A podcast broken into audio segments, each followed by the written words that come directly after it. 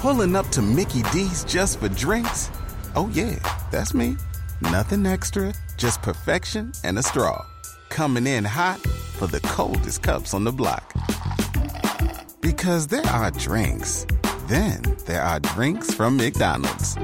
Mix things up with any size lemonade or sweet tea for $1.49. Perfect with our classic fries.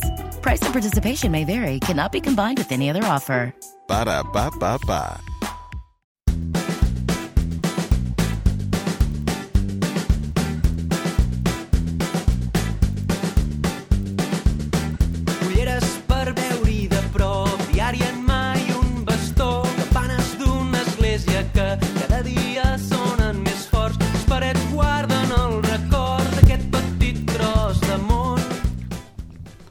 Bon vespre, benvinguts novament al programa Tastets d'Història, en aquest cas el número 7 ja de la segona temporada, com sempre amb el company Jordi Salvat, bona nit. Bona nit. Jordi Pellicer dels Serveis Tècnics, el saludem, i avui tenim un convidat que l'any passat ja ens va vindre a parlar en un programa, si mal no recordo, al voltant de la via fèrria, i avui doncs, ens parlarà de la SACE, l'Estat Anònima de Conductors Elèctrics. Bona nit, Lluís Català. Hola, bona nit. Bé, avui és un programa, com ja hem avançat ara, que parlarem de la SACE, molta gent la coneix com la SACE, que és una mica l'antecedent de la Pirelli, farem un recorregut sobretot dels primers anys de la SACE, per què va vindre aquí a Torredembarra, on se va instal·lar, una mica un perfil d'història, però també un perfil amb una certa nostàlgia, en tant quant doncs, alguns dels oients, homes i dones segurament, vaja, ja segons consta que ens han dit doncs, que hi van treballar, i portarem també part del record de la seva vida. No, és interessant perquè mm, en algun programa anterior parlaven de, de la transformació de Bajamar, que també va tenir aquesta transformació de gent que es dedicava a la pesca que va anar a treballar a la indústria. Complementari, molts complementari, d'ells. sí, sí. Potser o més- potser primera activitat a la indústria llavors i la pesca com a complementari. Això el convidat, el Lluís, que és dels homes amb una producció bibliogràfica més apassionant de la Torre, que més coneix potser la vessant indú- d'indústria a cavall entre el 19 principis de 20, però com sempre abans d'entrar en matèria eh, anirem a fer un tom per la xarxa. Doncs vinga, som-hi.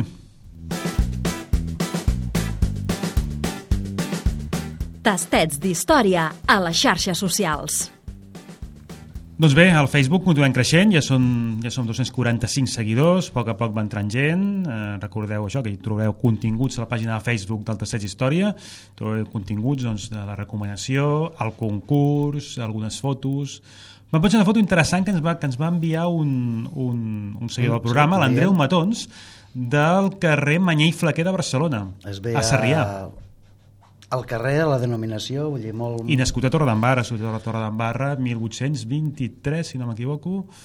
Eh, La memòria sí, em falla. Les sí. dates, Jordi, no... Digue sí, del 23 al 1901, em sembla, sí, sí. Però vull dir, l'agraïm, no cal dir el detall, Mm, hem seguit, doncs, per tant, doncs, és un tastet més d'història, en aquest cas, doncs, torrenca exportada a la ciutat de Barcelona. Si algú pot, es fa una foto fora de Torredembarra amb, amb algun element relacionat amb Torredembarra, s'animem a que ens l'enviïn, ja sigui per missatge, que es la comparteixin en algun comentari i en farem difusió, perquè són, són imatges que, que són curioses i, i que agraden també, agraden molt a l'audiència també. De fet, és un programa que, encara que ens el menjam habitualment doncs, els dos i els convidats que van aportant, també doncs, eh, des del primer moment vam dir que si algú ens aportés dades, doncs eh, benvingut seria. Mm, Propostes, alguna vegada doncs, algú ens ha dit per què no parleu d'això? Bueno, doncs, li recollim i mirem a veure doncs, si som, podem complaure sense fer tampoc un servei a la carta. Com ha anat el concurs, Jordi, aquesta setmana? Doncs vuit participants, Ens movem als 8, 7, 8... Sí, aquest, aquest era un, jo crec que el nivell era una mica més baix que l'anterior, però, bueno, déu-n'hi-do. Mm, Va costar amb alguns, eh, tinc entès. Va costar. Jo sé que un parell de llocs de... Escolta'm, i allò on és? I allò on és? I allò on és? Que no és l'únic rellotge de sol que hi ha a Torredembarra, n'hi ha, Ah, ha algun més. Recordem que hi ha un rellotge de sol, en aquest cas corresponia a l'edifici avui dia conegut com a Cal Pancho, on hi ha obert el bar Els Quatre Panxos, al carrer Antoni Roig, número 45. Sembla que si aixequeu una mica el cap és un rellotge de sol, com n'hi ha d'altres aquí a Torredembarra, de fet. Eh, L'home des de sempre ha volgut mesurar el temps i en aquest moment, anys enrere, doncs, eh, un dels pocs sistemes que hi havia era precisament horari de sol i marcava doncs, una mica l'horari. Recordeu que de sumar, ara en, aquesta, en aquestes èpoques, de sumar dues hores, perquè el sol, recordem que va doncs, a, a l'hi- a l'hivern, no? a l'hivern, una, moment- hora, una hora més, i a l'estiu són dues hores més. Correcte, per tant, si veieu que són les 10, ja són les 12. A la foto en aquell moment em sembla que era dos quarts d'una, el rellotge de sol, i en aquest moment que la van fer doncs, era dos quarts de tres, l'hora del vermut. L'hora del vermut, sí. Home, Molt ja ara quasi, quasi dirà, ja, eh? Dos quarts tres, I ja ara- el vermut ja em sembla que ja està coll avall. I ara el Lluís Català doncs, escollirà un número corresponent al joc de cartes que sempre portem i eixirà la mà innocent que, que ens traurà el guanyador o guanyadora. O guanyadora. Endavant, Lluís. Jo faré aquesta el que tu mateixa. busquis. El número Quatre d'espases. número 4. Rosina Boronat. Doncs aquesta setmana, Rosina Boronat. Ja anar sabeu, bus... Recordeu que ha d'anar a buscar el premi eh, al Patronat eh, de Cultura, que és el llibre que ella, doncs, dintre l'oferta que hi ha de llibres doncs, relacionats amb Torredembarra, mm, escolli. i al mateix temps seguim guanyant punts els que acertants i a veure la lliga com acaba. La Lliga està amb dos líders en aquest moment i hi ha una mica de persecució. Aquesta setmana la, la considerem que és una imatge de classificació mitja, dos punts, el que avancem, però l'altra sí que ja tornarem a reblar una mica el clau. Per tant, prepareu-vos.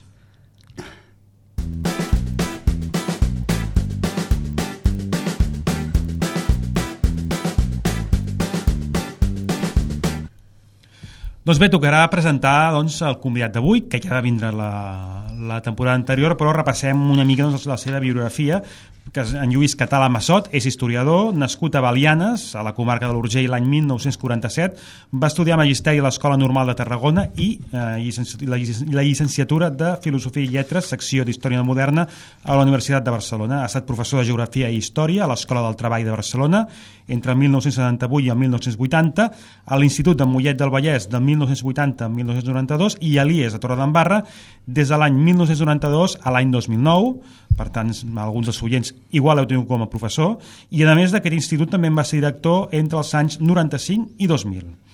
Uh, com hem dit, ha publicat molta, molta cosa sobre Torredembarra, molta, si podíem destacar, per exemple, en solitari ha publicat llibres com Societat, Urbanisme i Serveis Públics a la Torredembarra del segle XIX, el llibre Polítics, Escoles i Mestres a la Torredembarra del segle XIX i 150 anys de ferrocarril a Torredembarra de l'any 2016, que en vam parlar la, la temporada passada.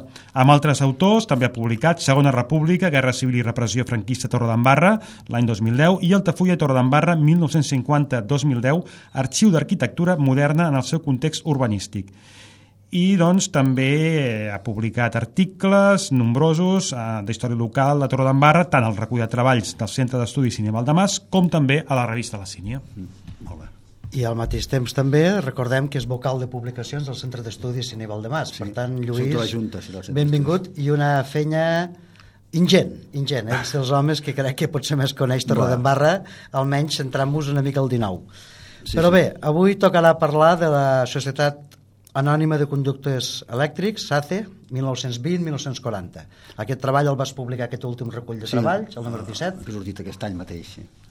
Aquest, aquest és un, forma part d'un projecte que estic fent eh, a llarg termini, que és recuperar la indústria, la història de la indústria de Torredembarra, que era nombrosa i molt important, fins a final del segle passat, del, del 2000 del 1990. Del segle XX, sí. Sí, el segle XX. I llavors, per tant, doncs, jo crec que és, que és una feina doncs, interessant i una de les empreses que vaig estudiar és aquesta. No és la primera, perquè encara ha el FITE abans que la, la primera que va començar, però la importància d'aquesta, de tant de SACE com de FITE, històricament jo crec que és, que és, és eh, trencar la dinàmica històrica que portava Torredembarra, que era, era una, una, una, diguem, una, un municipi eh, dedicat a la viticultura i, a, i al món del de comerç del vi, les botes i tal, i a partir de, amb la crisi del final del segle XIX se'ls va trencar aquest, aquest camí. La filoxera. La La, filoxera i la pèrdua de les colònies i tal. Mm. I llavors van tenir que abandonar tot això i van, els va costar molt. Dir que entre 1880 i, i, i l'any 1900 van perdre 800 habitants, que és un 30 o un 40% dels habitants que hi havia. O sigui, van tenir emigrar perquè no tenien feina. I fins a l'any 15 no recupera, comença, comença a recuperar, no recupera comença a recuperar-se això. Per tant, passen uns 20 anys pràcticament de crisi fortíssima, mai vista fins ara, jo crec que no sé si l'actual és semblant, però ho serà perquè ho haurem d'estudiar més endavant això. Però des de l'ego és una, és una, una crisi I, fortíssima. I tinc entès que la, vull dir, recuperar el nivell de població anterior a la crisi es tarda encara fins més al anys. 60, fins al 1960 no es recupera els 2.500 habitants més o menys que hi havia al, final, del- al, al principi del 1900 o bueno, al final del 1900 extraient una mica les dades que tu mateix aportes al teu treball Mm. per eh, contextualitzar una mica els oients. A l'any 1900 hi havia 1.973 habitants. L'any 1920 2.113 i a l'any 2000 a 1940 2.291 a partir del 20, 40, aquests 20 anys del qual bàsicament parlarem avui, quasi bé en creixement insignificant, vull dir, els 200, Molt poc, sí, no arriba a 200. molt poc. Costa, costa molt re recuperar quan tens un central econòmic, tot i que arran d'aquestes primeres indústries i lògicament una certa gràcies, millora, gràcies a l'electricitat, bàsicament. L'electricitat va ser el canvi, perquè aquí no podien tenir indústria, i havien, ho, ho havíem provat, i feia, vaig fer un article l'any passat, el, el recull anterior, sobre la, la, la fàbrica de Rosalia, que va ser un intent de posar indústria on està la, la passa de Moixequim Boronat. Doncs hi havia una fàbrica a 1850, però va ser un fracàs perquè no hi havia, no hi havia energia, font d'energia, no hi havia ni aigua corrent, ni, volien, ni, ni tenien vapor, per tant va fer un fracàs, evidentment. I fins que no va venir l'electricitat va, no va permetre posar indústria tot en barra. Primer va ser el Fiter, precisament, que va venir, que va venir sobretot perquè es va casar amb una torrenca, perquè és una altra història que potser expliquem un altre dia. Quin any arriba, quin any arriba l'electricitat Sí, sí, a Torredembarra? ara- És potser 14, la... 1914 es fa la instal·lació de l'electricitat. Estem parlant de fa una mica més de 100 anys. Sí, sí, sí. el, segons el teu llibre, dades extretes, a l'1 de març del 1914 és quan comença a arrencar l'electricitat. I, I hi ha molts problemes. Perquè, Molt pobre. Eh, molt poca po- potència, clar. Fins al 15 l'element no funciona bé. Inclús tira enrere la gent diu hi havia gas, gas ciutat per il·luminar-se i, per, i van dir no pareu el gasogen perquè, perquè no funciona gaire bé això no? i va tornar a posar en marxa el, el, el gasogen per poder funcionar per veure pels carrers i pel tenir llum en gas no? Per tant, ja començant a situar-nos una mica amb aquests antecedents de la SACE com a puntes, ja tenim electricitat, Hi ha una altra causa que volia també afegir, que és la guerra Primera Mundial afecta molt, perquè Catalunya, com sabeu, es va aprofitar molt de la, de la Guerra Mundial, va tenir grans beneficis, va, va agafar molt capital, perquè com que estaven els, els, els països europeus estaven en guerra, llavors Catalunya va produir molt, sobretot tèxtil, va produir, i altres materials, no? va produir molt i va vendre i va fer, va fer molt capital. Aquest capital va ajudar a invertir-lo després, no només a Barcelona, sinó a altres pobles, es va estendre. Això va ser una, sense això segurament no hagués arribat potser el capital aquí, perquè veurem que el capital al principi ve de fora, no és capital torrenc. Per tant, el ser neutral, l'estat espanyol és neutral, permet aquesta... Va fer un creixement econòmic i les empreses van, exportaven a bons preus teixits, material elèctric, el que fos, no? Tot, tots els productes que clar, no podien fer les, els països en guerra. I això els va donar un gran benefici i grans capitals que després es van invertir en altres coses doncs, a Torredembarra, entre altres llocs. Clar. En aquest cas, hi ha les primeres dades que tu ens aportes de la Societat Anònima de Conductors Elèctrics, a partir d'aquests moments ja liderem SACE, Tenia diverses fàbriques a Espanya, ens apuntes, per exemple, a l'Anjuez, ne tenia una, però va escollir Torredembarra, quasi segur, per la proximitat del mar, l'estació de tren, sobretot, per la possibilitat, teníem electricitat ja en aquell moment, Sí, i bueno. sembla que ven les vendes d'uns magatzems que potser doncs, els va treure, no? Jo crec que la causa va ser que van veure un, un projecte de, de, de comprar d'uns magatzems que estaven buits des del Givert i el Huguet que havien tancat, nego- feien el, es dedicaven al, al transport de comerç de vi, com que van tancar i van veure uns locals barats a bon preu, primer el van llogar després el, va- amb, amb dret a compra i va, va ser una oportunitat per venir aquí a a part No. de bona comunicació, el tren, clar, hi havia el tren On els ubiquem, aquests magatzems de això estaven Torredembarra? a baix de mar. Ara no estan... El, el, tota la qüestió que en diuen els pins era, el, era el jardí, o sigui, la part del terreny sense edificar, però on estan aquelles dues torres grans i on està el, el restaurant Morros, allí estava la SACE. Molt sí, molt a, prop, molt a prop de l'estació. Sí, sí, al costat de l'estació. De fet, tenia el Givert, aquest senyor, havia fet una espècie de, de moll de descàrrega eh, privat, sense permís de, la- de, això ho explico també al llibre de la, de la, de la companyia de, ferrocarrils, que havia fet una espècie de tandana privada per carregar i descarregar bucois del tren, que després el, el Huguet eh, ho, va, ho, va, ho va continuar perquè es va comprar Va aprofitar per extreure i quan, el- quan, quan SACE va comprar això bueno, van voler investigar perquè no se'n fiaven massa mm. així van, van trucar o van comunicar-se amb la companyia i van dir no, això no és veritat aquest, aquests andanes s'ha de bloquejar no és veritat, no és, és legal No entra Però- dins de la xarxa. però hi havia fet, hi havia fet un, una espècie de via Un ramal. un ramal, hi ha fotos hi ha, hi ha, hi ha, bueno, fotos, hi ha, hi ha planos que expliquen això no? De fet, convidem els oients eh, agafar el teu article, a banda dels continguts que anirem parlant avui, perquè aportes força material a nivell gràfic, mm. i aquesta pregunta que el Jordi acaba de fer ara, per exemple, diu, bueno, ubiquem-nos, l'hem ajudat a ubicar, però si agafeu una fotografia o un parell que tu mateix poses sí. aquí, te situes ràpidament doncs, on estava la, la indústria de la SACE. era la part oriental del barri l'extrem oriental, perquè llavors n'hi havia més barri no? En aquella època, el barri antic diguem, el part oriental Els munts no existia. No, i tot, tot, tot, tot, tot és blocs de pisos que hi ha, dels pins que en diuen, tot això era, era, era, era sorra. De fet, els pins els van plantar quan vol voler vendre. Al final, quan va, Sace va acabar, va veure que volia canviar cap aquí de la fàbrica, cap a Clarà. Llavors van, van començar a, a, a plantar pins per, per vendre el terreny, no? Per plantar al final de l'última hora. Aquests pins que hi ha doncs, són del 1960 o 50, deuen ser. No ens avancem, senyor Lluís, no, No, no ens avancem. Això cap al final del programa, Ja. quan hi hagi aquest canvi de Ja. companyia que molta gent coneix i altres desconeixen. Situem-nos una mica als anys d'arribada, en aquest cas, de la SACE. Sí. Les primeres notícies que en tenim és cap allà als 1919, 1920... Bueno, el 17, realment, és quan comença, eh, no la SACE, però sí la, la mare de la SACE, que és el- la, la, la Societat Hill, Aquest- de Barcelona. Que aquí hi havia uns, uns socis que eren catalans, aquests, i eren, el gerent era el, el senyor Gatuelles, Miquel dels Sants Gatuelles Ferrer. Aquest senyor és, és clau en l'assumpte, perquè va ser gerent fins als 40, o sigui, va ser tot el que va dirigir, va, va, va, se va encarregar de llogar els lo- locals, va fer tot. Llavors aquesta empresa va funcionar molt, un any només a Barcelona, l'any 17, però va anar molt bé, es veu, que tu, hem de situar que és l'any que, és els anys que comencen a electrificar les ciutats, clar, es, fa, es necessita molt cable elèctric, es necessiten motors, fil, per fer el motor, etc cable, no? Per tant, hi ha un èxit tremendo, no? I llavors, algú que, algunes empreses o empresaris importants diuen, comprem això, aquest taller, no? I llavors, és quan intervenen, jo crec que intervé, sobretot AEG, l'empresa alemanya, Això perquè- és un lligam que té cap a Sí. Madrid, però no ens avancem, Lluís. No, no. Però llavors aquests diuen, anem, aquests són els que encarreguen buscar una fàbrica nova i van buscant Tarragona, Torredembarra, no?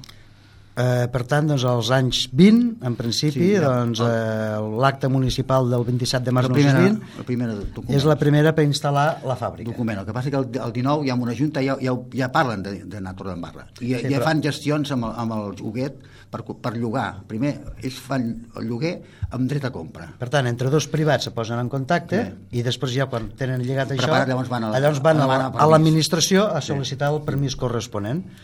I comencem, doncs, per tant, el 1920, mm, aquesta fàbrica de cables elèctrics GIL S.A., que tu mateix apuntaves Sí. que després passa a denominar-se SACE, de i Cables. que ja avancem una mica cap al final, com tu mateix has dit, ja serà la Pirelli, però anem a pams. Sí. En aquest cas apuntes un personatge clau i importantíssim doncs, com és el Salvador Guataulles. Sí.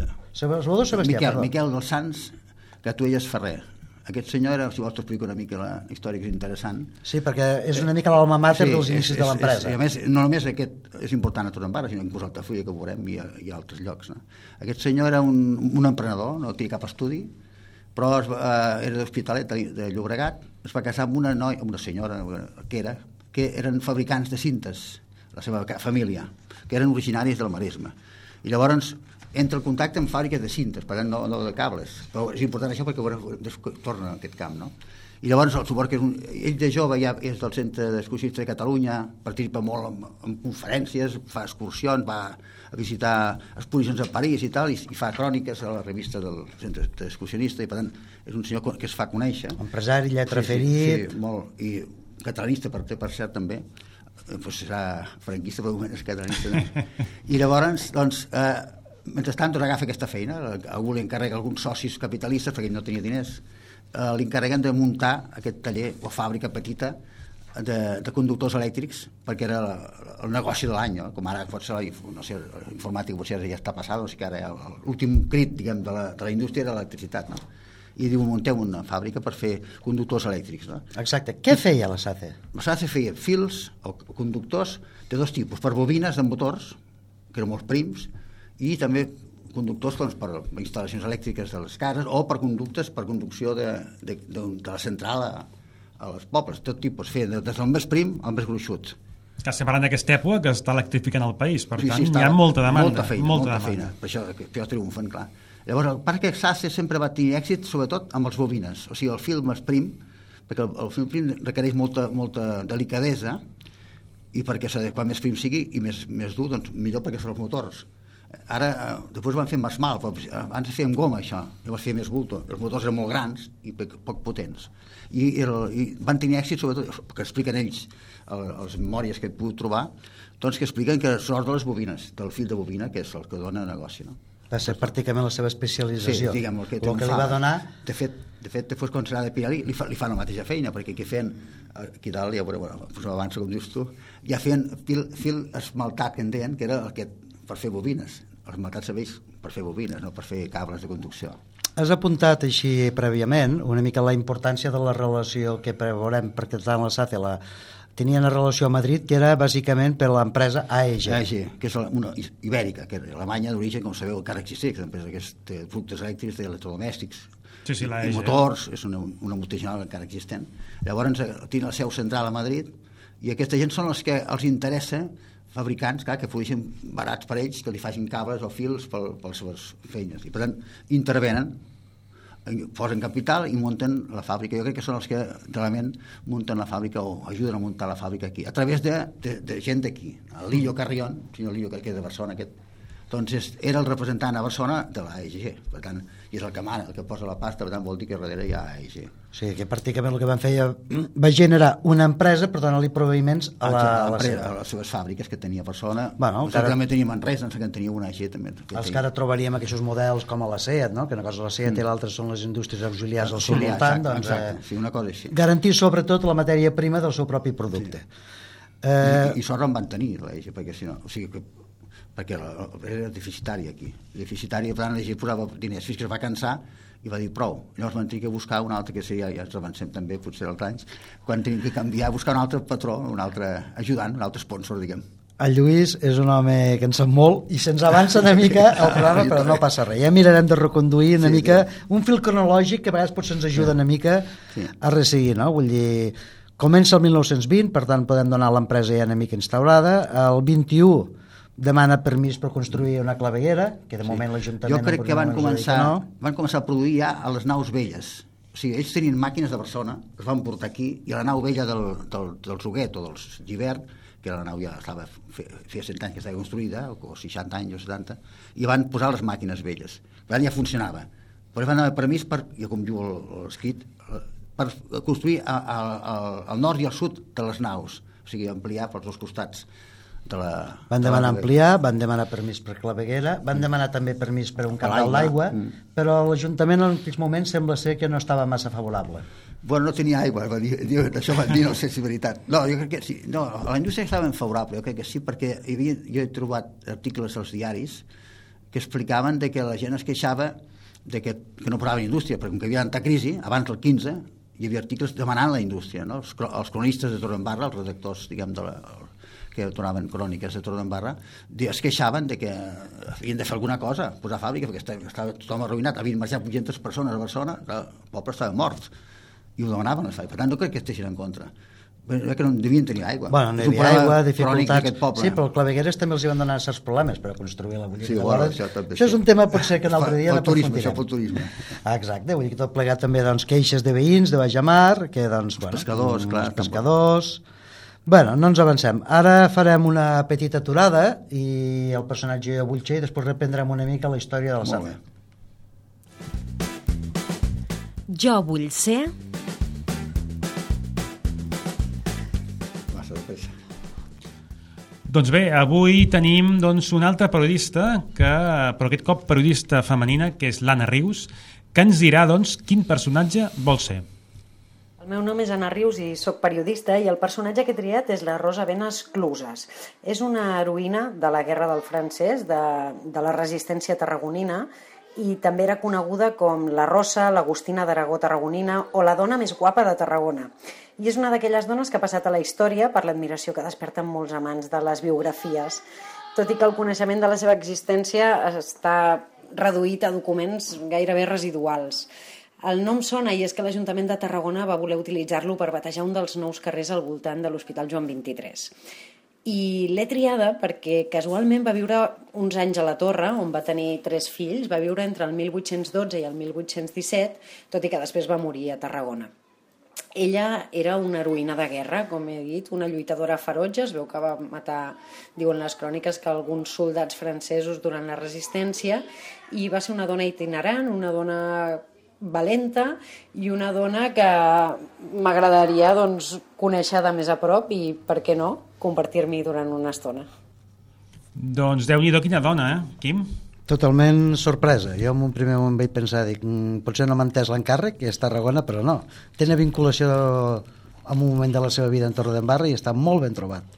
No, no sé si realment eh, estem parlant això de l'Agustina, una mena d'Agustina Aragón de, de, de Tarragona, resistent contra els francesos que en parlàvem l'altre dia amb, amb el Carles Moruno. Carles Mono l'altre dia ens va apuntar una mica el personatge, el va pinzellar i s'ha solapat. Aquí el sense- rematem, el rematem. De moment, el, de moment el rematem. De moment. Els tastets poden sempre seguir sumant.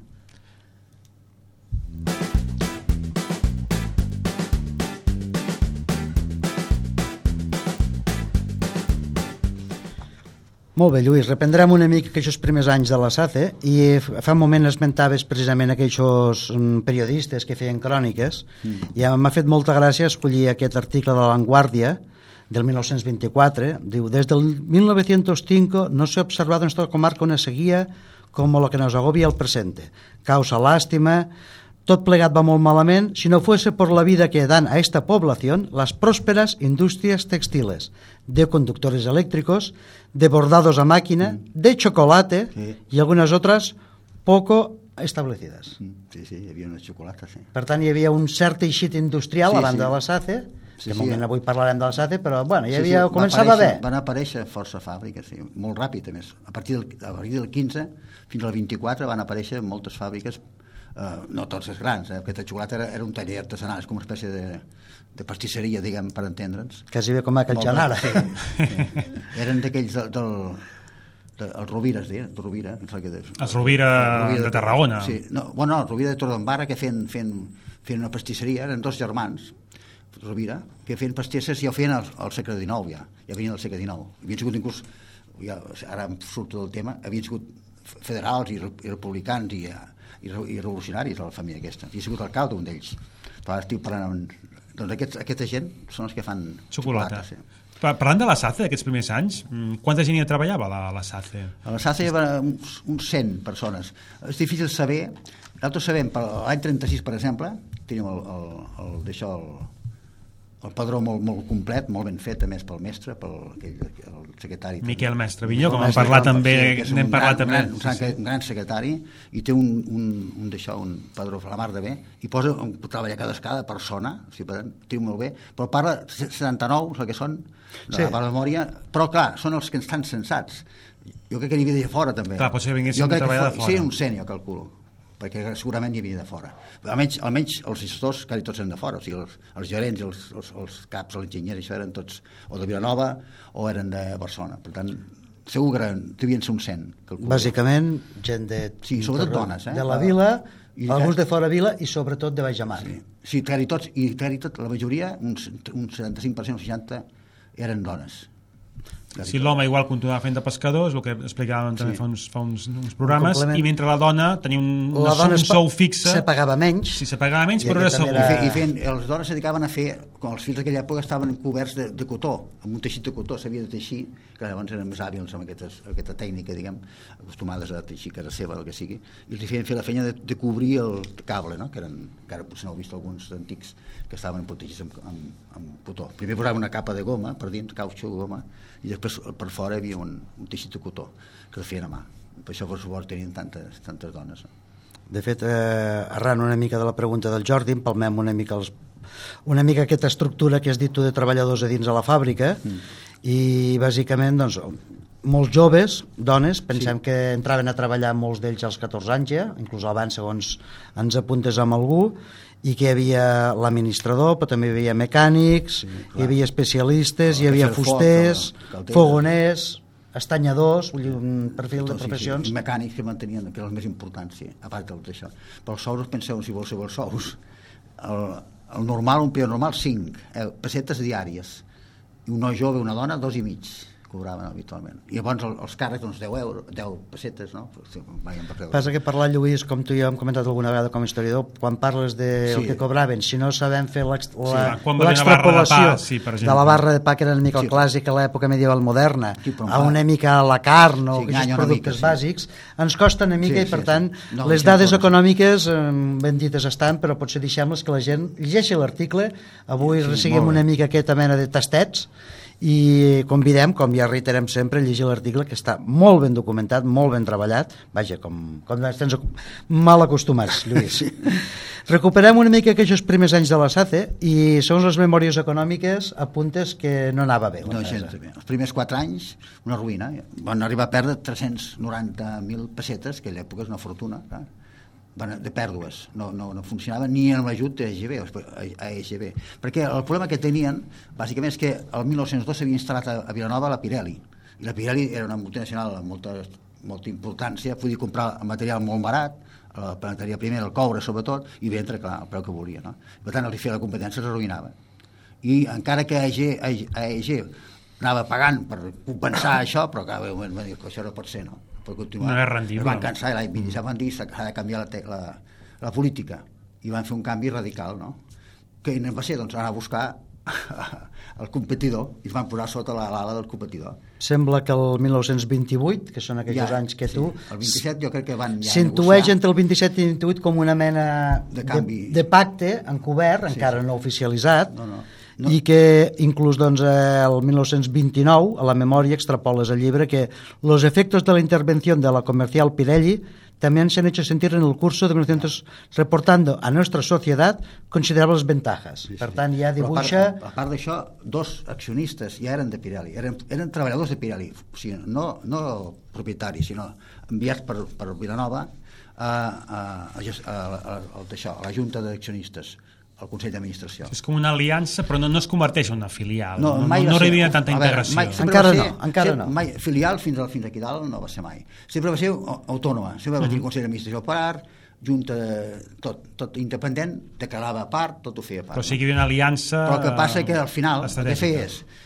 la matèria primera li donava Pirelli i tots els productes els comprava Pirelli per tant, eh, clar, encara existeix aquesta cosa encara existeix, jo crec que encara funcionen hi ha empreses que funcionen així, de fet, que treballen la, per una altra no? la Pirelli apunta que el 29 mm, fa constar les memòries que li va comprar el coure a la sí. SACE per després la SACE produir i retornar-li a la Pirelli vull dir que, sí, sí. bueno, una col·laboració també, entre empreses també s'ha de tenir en compte una llei que si ho sabeu que havia llei de prohibia que els estrangers fossin propietaris majoritaris d'una empresa llavors no li interessava perquè la llei ho prohibia. Llavors, hi, havia, hi havia proteccionisme. Hi havia testaferros, aquest, aquest senyor, que, el Lio Carriera, que és que he dit, són gent que treballen per altres empreses, són, són gent que no, no tenen pues, els diners, els hi deixen perquè es posin el nom són de els la... que signen, Exacte. els que firmen els perquè documents. El, tant a l'època del Primo de Rivera, que és molts d'aquests anys són del Primo de Rivera, els anys... Fins al 29, clar. I, i Franco fa el mateix, o sigui, prohibeix la inversió, que els, els estrangers siguin majoritàriament propietaris de les empreses espanyoles. No? A la zona república era... A la república és més liberal, més liberal. Però hi ha l'autarquia, llavors Volen, no volen dependre de l'estranger. I què fan? No pots tenir. Llavors, clar, han de buscar mitjans doncs, per trampejar això que és posar inter... de testaferros, com diguem. Testaferros, gent, que, que diguem. gent que controlava una mica l'administració. Jo crec que passa això, passa mm -hmm. això. Llavors posen, posen gent eh, que fan, fan de, de propietaris però no ho són realment. De fet, el 29 ens dius que el propi Consell d'Administració ja agraeix a la Pirelli. Vull dir, per tant, és una cosa notòria i pública, sí, sí. aquesta col·laboració. I encara, i encara aporto una altra dada, si ho he llegit, l'any 32, quan es mor el, el fundador de Pirelli, Jean Baptista Pirelli, fa una, un article al diari de Tarragona en català, per cert, llavors el 32 escrivint en català, que diu que agraeix, eh, fa un panegíric esplèndid perquè ha invertit, entre altres coses, a Tarragona no, no ho diu, o sigui, ja ho declara, encara que no sigui veritat, perquè de fet no, no ha fet, és propietat seva, no? però ja tothom ho sap que és Pirelli. De forma Exacte. indirecta, tothom sí. saben que uh -huh. Pirelli els dona el coure i els emporta la producció. Per tant, és, és una filial no econòmicament, però sí en quant a dependència. No? A la pràctica sí. sí. Un petit esdeveniment a l'empresa, de ben segur va ser la visita que ens traslladés aquí a la, el 10 de setembre de 1929 eh, les autoritats, en aquest cas la periodista, durant el període de la, de la dictadura de Primo de Rivera, mm. diu, aprovechando la venida a Torredembarra del general Barrera e ilustres personalidades que les acompañaron la dirección de la sociedad anònima conductores elèctrics, però encara s'hace, almenys públicament sos el diari, tot i que ja veiem que aquesta sí, sí. interrelació sí, sí, sí. i que bueno, va visitar l'empresa sí, sí. i va considerar que era una empresa important dins el, sí, sí. el sector i li donava una mica el seu vistiplau o el, com a mínim doncs, un reconeixement públic no? de la importància de l'empresa. I un altre cas també semblant a aquest és a la República, quan fan la, comença la Guerra Civil, clar, eh, s'apoderen de les fàbriques de, de, de material elèctric, Mhm. o sigui, important per la guerra, com el cable aquest que feien servir per comunicacions a la guerra. Llavors, incorporen a Pirelli, la, la nacionalitzen, diguem, la incauten, i no diuen res, però s'ha també, o sigui, a la pràctica, sense dir-ho realment, ho fan, o sigui... La Pirelli italiana, a més. Estem parlant No, no, de... però, bueno, però fa la república, això. Ho fa la República. fa la No, no, fa, fa la No fa República. Franco, això. No, No, però això- fa la República, el- el italians, tema- que són, italians que són, diríem... A... Ah, ja, ja.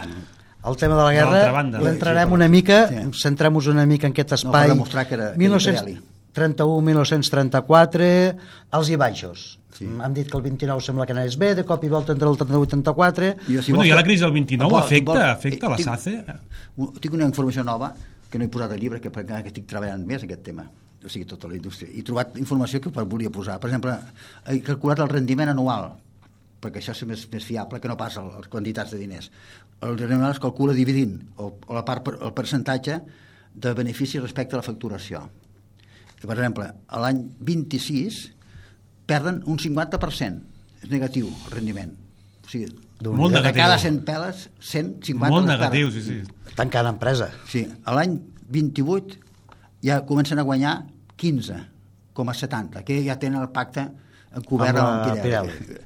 Després 12, després baixen al 12 perquè ve la crisi, clar, també els afecta el 29, hi ha la crisi, el 20, hi ha el 12, el 10, el 10 i el 7,8, el, 36, el 33. Jo, Després ja no tinc més dades. No, és que el problema és que no, Clar, quan no la crisi trobat- va arribant aquí, a l'estat Sí, espanyol, es a la península... Però, bueno, però és positiu, a partir d'ahir sempre és Sí, sí. positiu. Des, de, des de que entra Pirelli sempre és positiu.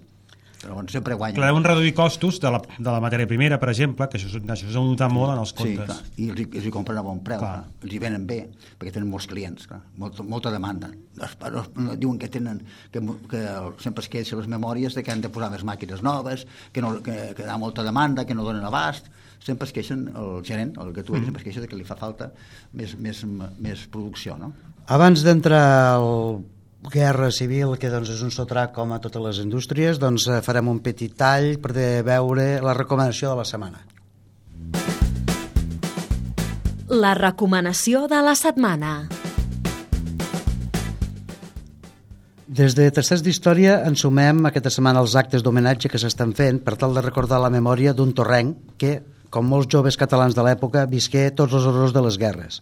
Primer lluitaren la Guerra Civil, després travessaren la frontera i passaren les penúries als camps de refugiats francesos, després s'enrolaren a l'exèrcit francès, participaren a la Segona Guerra Mundial i acabaren en camps de concentració. Allí, molts d'ells, malauradament, hi deixaren la vida. Es tracta de Memorial Esteve Canyelles Margalló, que s'està fent aquest, va haver aquest divendres, aquest dissabte la placa aquí a prop d'on estem, i demà encara hi ha una xerrada d'un boix, que és un fotògraf i la història que reproduïm aquí és la història d'un torrenc als camps de concentració nazis i s'ha editat per l'Ajuntament i l'autor és Carles Moruno, per tant sumem una mica, Jordi, doncs, als actes de reconeixement i commemoració d'aquesta figura. Home, sí, és una figura important pel tema aquest, per aquesta relació de guerra civil i acaba morint en un camp de concentració nazi, l'any 42 o 43. Sí, no, surt, surt, surt aquí, és que està mirant l'any... 1942. Sí, nascut l'any 1909 i mor el 42 amb 33 anys, vull dir, mor molt, molt jove. Bé, no podia ser d'altra manera. Qui vulgui llegir una mica doncs, aquesta petita biografia que ha fet el Carlos Moruno, que es va acompanyar l'altre dia, doncs eh, la trobarà al Tasters d'Història. Sí, sí, penjat, ah, sí, ho penjarem durant aquesta setmana, penjarem, penjarem material sobre, sobre aquesta figura, doncs aquest torrent que va acabar doncs, morint a un camp de concentració nazi.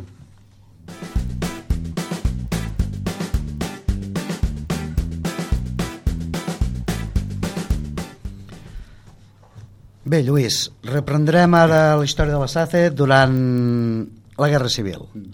Eh, com apuntaves ja abans, una mica, al 36, doncs, eh, Josep Tarradellas, com a conseller d'Economia d'aquell govern, va intervindre i la primera que no va anar, un interventor de la Pirelli de Vilanova i la Geltrú. Una empresa considerada col·laboradora i que el material que doncs, era d'utilitat pública i per tant important que l'Estat, en aquest cas la Generalitat, doncs, la, la controlés. Sí, perquè el que feien era encarregar de fer cable pels telèfons, telèfons per comunicar-se dins del front, eh, entre el front, entre els que estan a la guerra. No? O sigui, Per imatge tant, que tenim d'allò de, de, de, la, de la base d'operacions de l'exèrcit, amb un altre punt, allò, sí, amb allò el que veiem cable a que es les... comunicaven del, del, del, Allò que veiem a les pel·lícules. Sí, doncs es fabricaven a Torredembarra no només ell, perquè ho veurem, perquè hi ha una altra fàbrica, m'avanço també, el, el, el Mercader també estava actuant en aquella època i feien el mateix, també. Les dues fàbriques feien el mateix. De fet, el que incauten és la Pirelli, Sí. però, automàticament... No surt a cap document oficial, a cap, el doc ni res, surt el nom de SACE. És curiós, res. sí. Però, en canvi, tothom ho sap que ha estat incautat, perquè que tothom sabia que era de Pirelli, que treballaven per Pirelli. Per tant, si incauten Pirelli, incauten SACE. Però mai cap document oficial surt.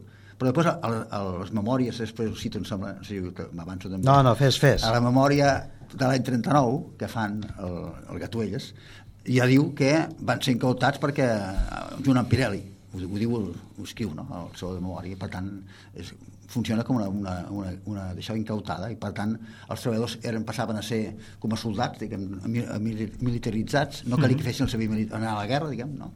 i per tant s'estalviaven, que els va portar un conflicte. Això, això porta conflictes. És un tema que Ja. arran del teu article Sí. em fa molta gràcia, eh? Sí. vull dir, perquè volia comentar-ho, no? Els treballadors, com apunta el Lluís, estaven mobilitzats i per tant es consideraven militars i això evitava que els joves anessin al front. front, clar. Clar, això, en aquest cas hi havia, segons consta, 27 homes torrencs i molts no veien bé que treballessin a la fàbrica quan tenien capacitat per anar al front i potser la seva feina fer-la altra gent més jove o O dones. més gran, o més grans. Hi ha alguna... persona més gran que no calia que, que anés a l'exèrcit. Hi va haver una, Hi ha una un manifestació, ha un fulletó, no? sí, que, que em va deixar per ser el, el Gabriel Comas, el, eh, que es va portar Sí, aquesta el informació. el reprodueixes aquí al teu i article. És, és interessant perquè em sembla que és un sindicat anarquista, crec.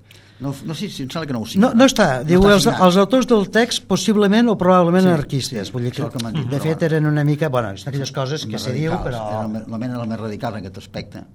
també podien ser comunistes, altre també. CUM o sí, els alguna, eh? també, veure, els comunistes també eren Més, com que no hi ha dades, l'únic que sabem Sí. és que va haver, això sí, gent una que protesta estava... pública, diguem, una, protesta, una manifestació pública en contra de que, que, que, que és aquest, aquest dret, aquest privilegi, diguem, entre cometes, de, dels que treballaven ahir no tinguessin d'anar a l'exèrcit. A saquejar-se de- d'anar al a- a- front. del front. Imagina, Era, imagina, era un luxe treballar, en Ja. aquest cas. Eh, Home, clar, home, estalviar-se... Si anar- normalment ja ho va ser. També hi havia un perill cal dia, eh? que els, els bombers anaven, els Ara parlarem. anaven allí, però és a dir, que tampoc era tan, tan, tant avantatge, però bueno, Com a- van tenir sort. Com el Lluís apunta, doncs parlarem un petit espai dels bombardejos, de fet ja el vam tocar l'any passat arran dels bombardejos, i per la seva proximitat tant a la via fèrria com pròpiament dit pels productes que feia, no? era, va ser interès dels bombardejos, ne va Sí, sofrir sí. patir bastants. sempre quasi sempre venien de, de, de Sant Vicent els avions no? els hidroavions i normalment passaven per la via i anaven la bombardejant trens la i, i anaven agafant doncs, les estacions però també la via fèrria i també les, la d'això les, les fàbriques que tenien no? i per Sí, tant de- va caure, els va caure alguna bomba. Jo vaig parlar amb un testimoni que és, ara desgraciadament està mort, que és el Manuel Espí que havia treballat de joves, que tenia 14 anys quan la guerra i, i em va explicar que ell va viure una bomba que va caure i eh, van fugir fugint corrents cap baix, els hi va tocar el mur de la, no- no dins de la fàbrica directament sinó a la paret diguem. No va fer gaire mal a la fàbrica però al marxar corrent doncs va fer mal, al caure i va fer lesionar, el que ell va quedar coix de resultes de que la caiguda aquesta per tota la seva vida coix- coixejava diu. Sí, amb un bombardeig apuntes que un d'ells... però no li va caure directament, va ser un accident de, Bueno, un a accident, provocat, un sí, accident sí. indirecte. sabeu que tenien refugi de formigó no? Sí, de fet, eh, tu mateix ha la el, foto, sí. a la fotografia aquesta que, de l'article, que és molt interessant perquè situes per una banda la nau primera, després les ampliacions del 22, Sí. i a mà esquerra, doncs, eh, tocant Refugi de la guerra, sí. direcció Altafulla, als Sí. Munts, doncs un petit refugi de la guerra que, bueno, mm, si hi, ha, arriba... hi ha molta gent que l'ha vist, jo he trobat gent que encara viuen, o sigui, que, que recorden de jugar-hi, diu, i han jugat en aquest refugi, diu, perquè estava fora de la fàbrica, realment. Bueno, no, separat Sí, poquet. sí però si, si entrava per fora, diu, si podia entrar per fora, diu, això m'han dit, jo no l'he vist mai, no?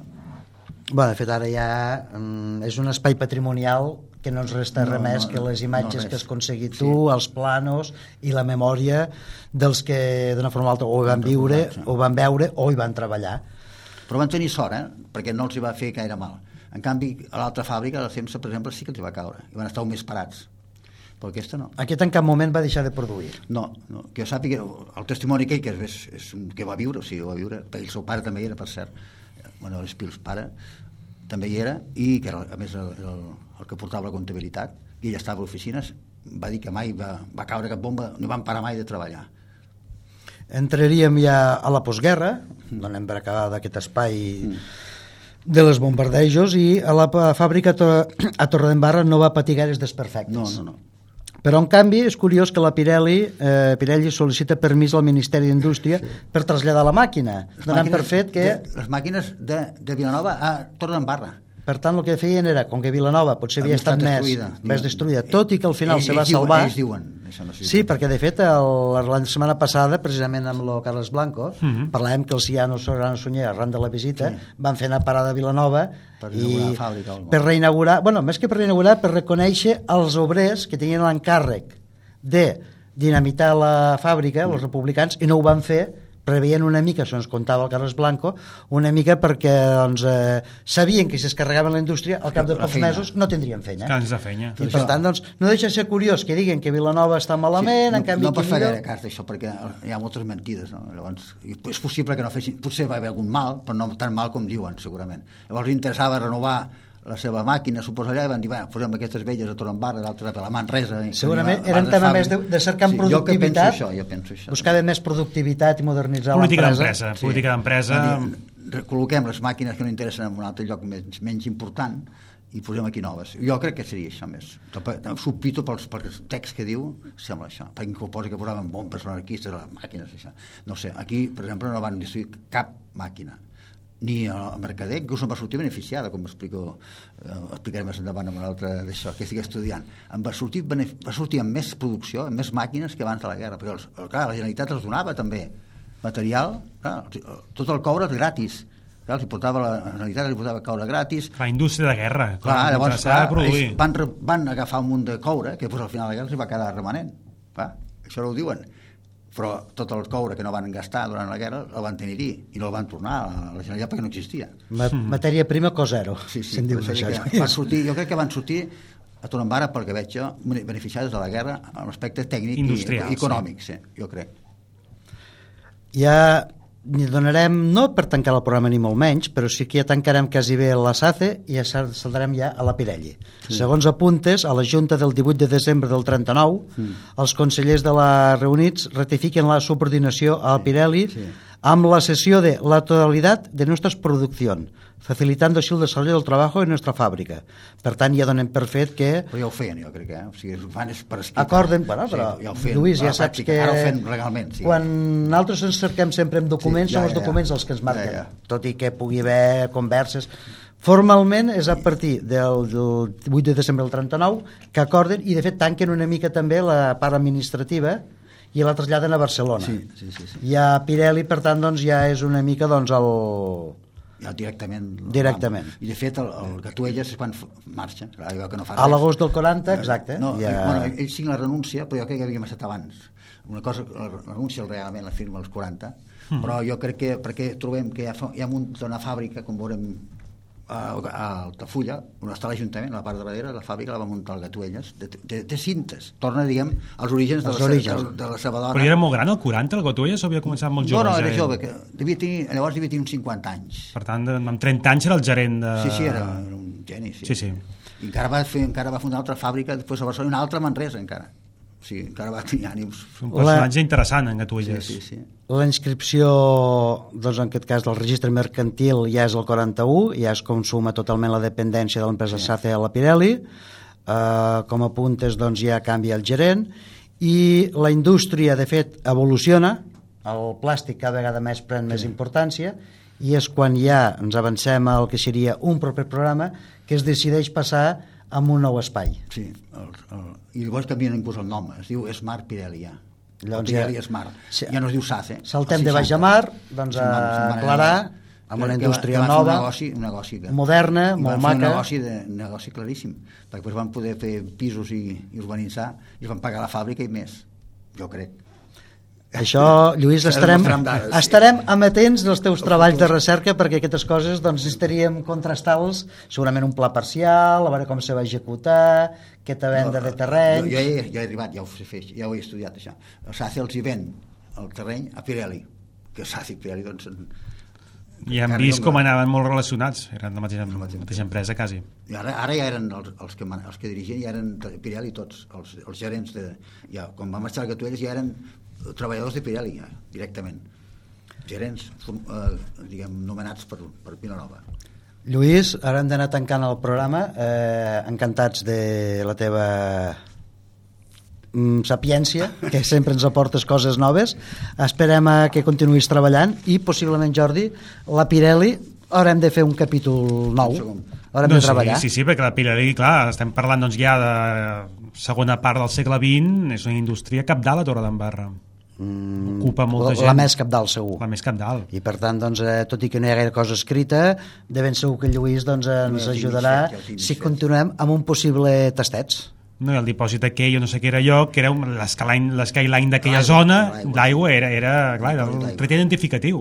Eh, L'article que recomanem també hi ha alguna uns, una mica el traspàs i de fet a l'abans a Torredembarra ja es va publicar també alguna fotografia de la Pirelli nova Bueno, anem deixant-ho per al del proper capítol. Lluís, bona tarda, i o més ben dit bon vespre, gràcies d'haver vingut. Bona nit ja directament, perquè són les Bona 10, nit, eh? i avançarem una mica el programa de la propera setmana, De Jordi. què parlarem, Quim? Gràcies a vosaltres. Parlarem Un plaer. del castell.